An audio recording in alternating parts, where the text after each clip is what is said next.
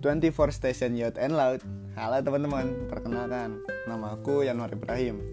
Aku biasa dipanggil Yanuar Dan ini podcast pertama aku Yang semoga bisa bermanfaat Untuk aku khususnya Dan umumnya untuk teman-teman semua.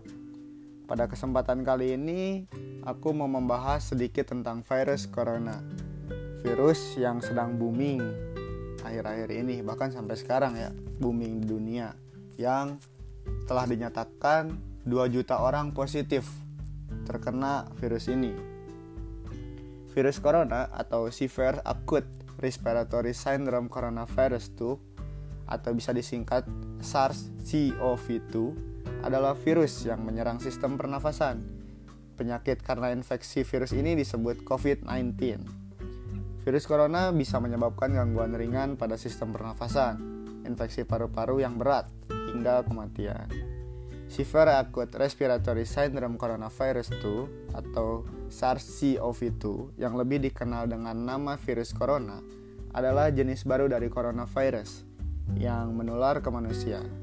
Virus ini bisa menyerang siapa saja, baik bayi, anak-anak, orang dewasa, lansia, ibu hamil maupun ibu menyusui. Infeksi virus corona disebut COVID-19 dan pertama kali ditemukan di kota Wuhan, China pada akhir Desember 2019. Virus ini menular dengan sangat cepat dan telah menyebar ke hampir semua negara termasuk Indonesia hanya dalam waktu beberapa bulan saja. Hal tersebut membuat beberapa negara menerapkan kebijakan untuk memperlakukan lockdown dalam rangka mencegah penyebaran virus corona. Di Indonesia sendiri, diberlakukan kebijakan pembatasan sosial berskala besar atau PSBB untuk menekan penyebaran virus ini. Coronavirus adalah kumpulan virus yang bisa menginfeksi sistem pernapasan. Pada banyak kasus, virus ini hanya menyebabkan infeksi pernapasan ringan seperti flu. Namun, virus ini juga bisa menyebabkan infeksi pernapasan berat seperti infeksi paru-paru atau pneumonia.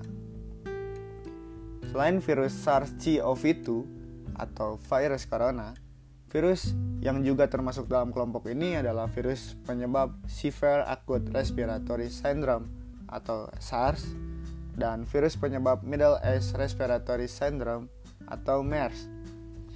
Meski disebabkan oleh virus dari kelompok yang sama, yaitu coronavirus, COVID-19 memiliki beberapa perbedaan dengan SARS dan MERS, antara lain dalam gejala hal kecepatan penyebaran dan juga keparahan gejala. Nah, gejala awal infeksi virus corona atau COVID-19 bisa menyerupai gejala flu, teman-teman, yaitu demam, pilek, batuk kering, sakit tenggorokan, dan sakit kepala. Setelah itu, gejala dapat hilang atau sembuh, malah atau kalau tidak sembuh malah memberat.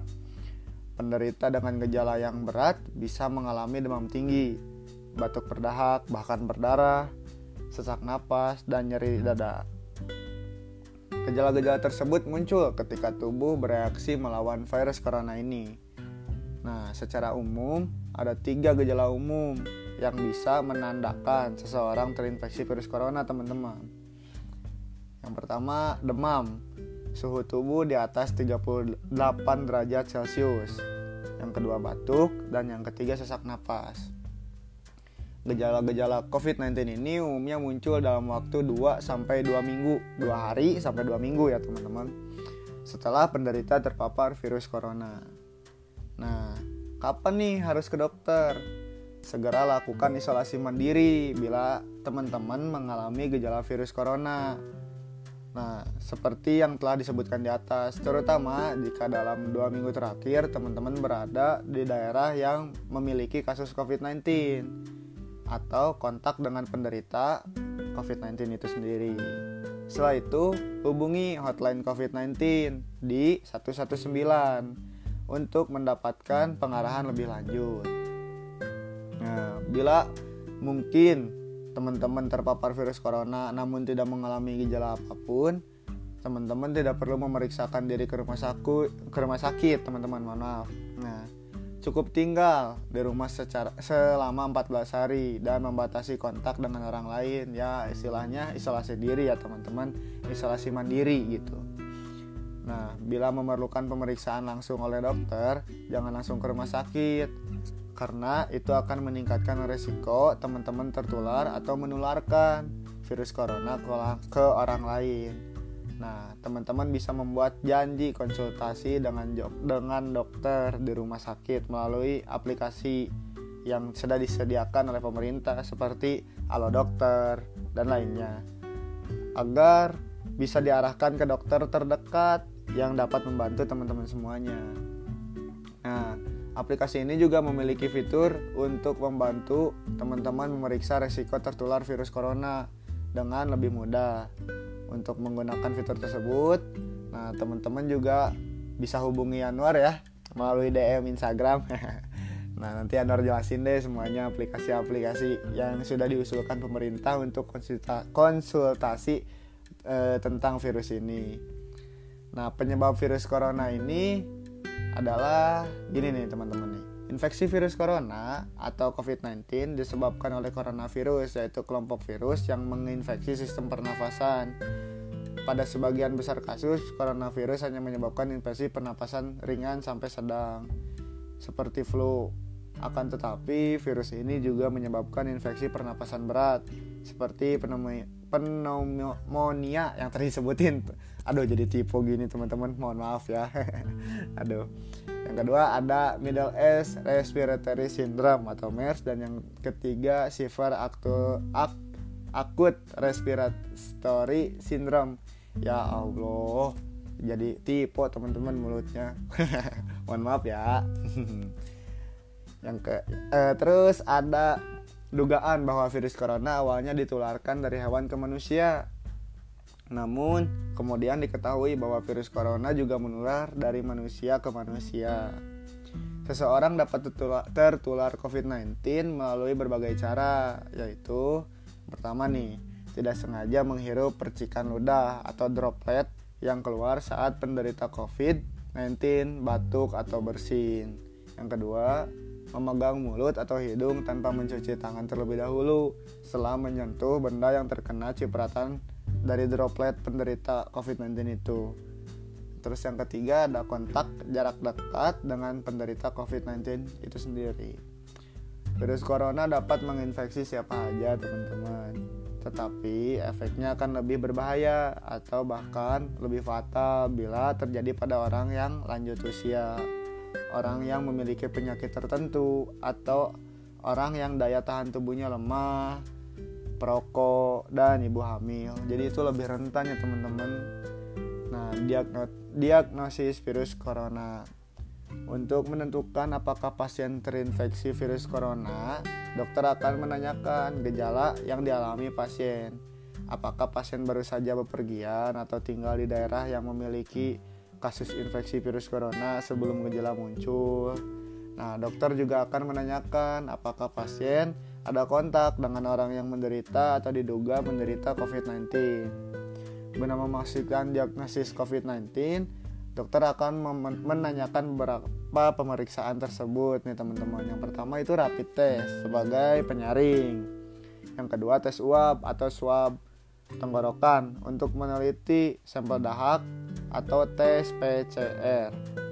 Dan yang ketiga CT atau CT scan atau ronsen dada untuk mendeteksi infrat atau cairan di paru-paru. Nah, terus ada pengobatan dari virus corona itu sendiri nih teman-teman.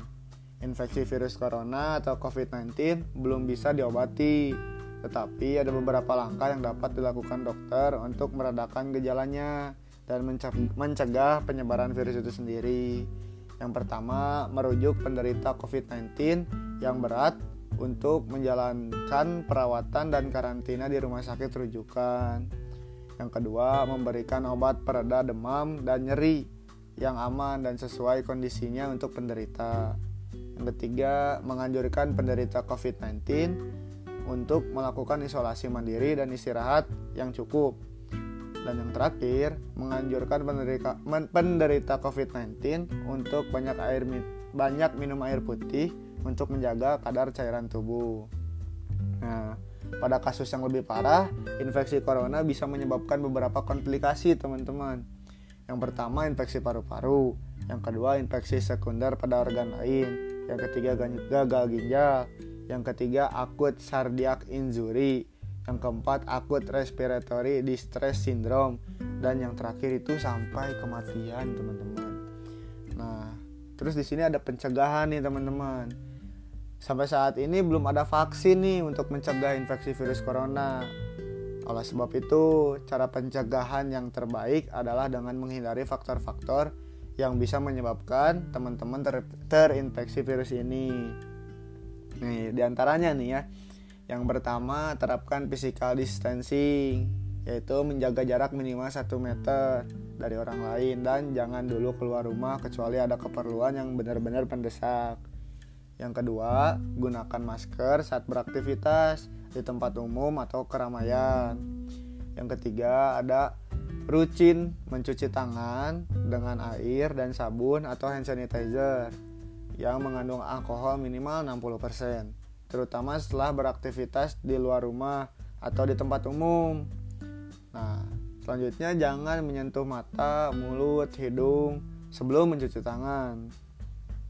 Terus ada tingkatkan daya tahan tubuh dengan pola hidup sehat hindari kontak dengan penderita COVID-19, orang-orang yang dicurigai positif terkena virus corona, atau orang-orang yang sakit demam, batuk, dan pilek. Selanjutnya ada tutup mulut dan hidung dengan tisu saat batuk atau bersin. Kemudian buang tisu ke tempat sampah. Dan yang terakhir, jaga kebersihan benda yang sering disentuh dan kebersihan lingkungan termasuk kebersihan rumah teman-teman. Nah, untuk orang yang diduga terkena COVID-19 uh, eh, atau ODP ya teman-teman maupun PDP ada beberapa langkah yang dilakukan agar virus corona tidak menular ke orang lain. Yang pertama itu isolasi mandiri, yang kedua jangan keluar rumah, yang ketiga bila ingin ke rumah sakit saat ada gejala yang bertambah berat gitu, sebaiknya hubungi dulu pihak rumah sakit untuk menjemput lalu larang dan cegah orang lain untuk mengunjungi dan menjenguk sampai Anda benar-benar sembuh. Lalu sebisa mungkin jangan melakukan pertemuan dengan orang lain ketika sedang sakit.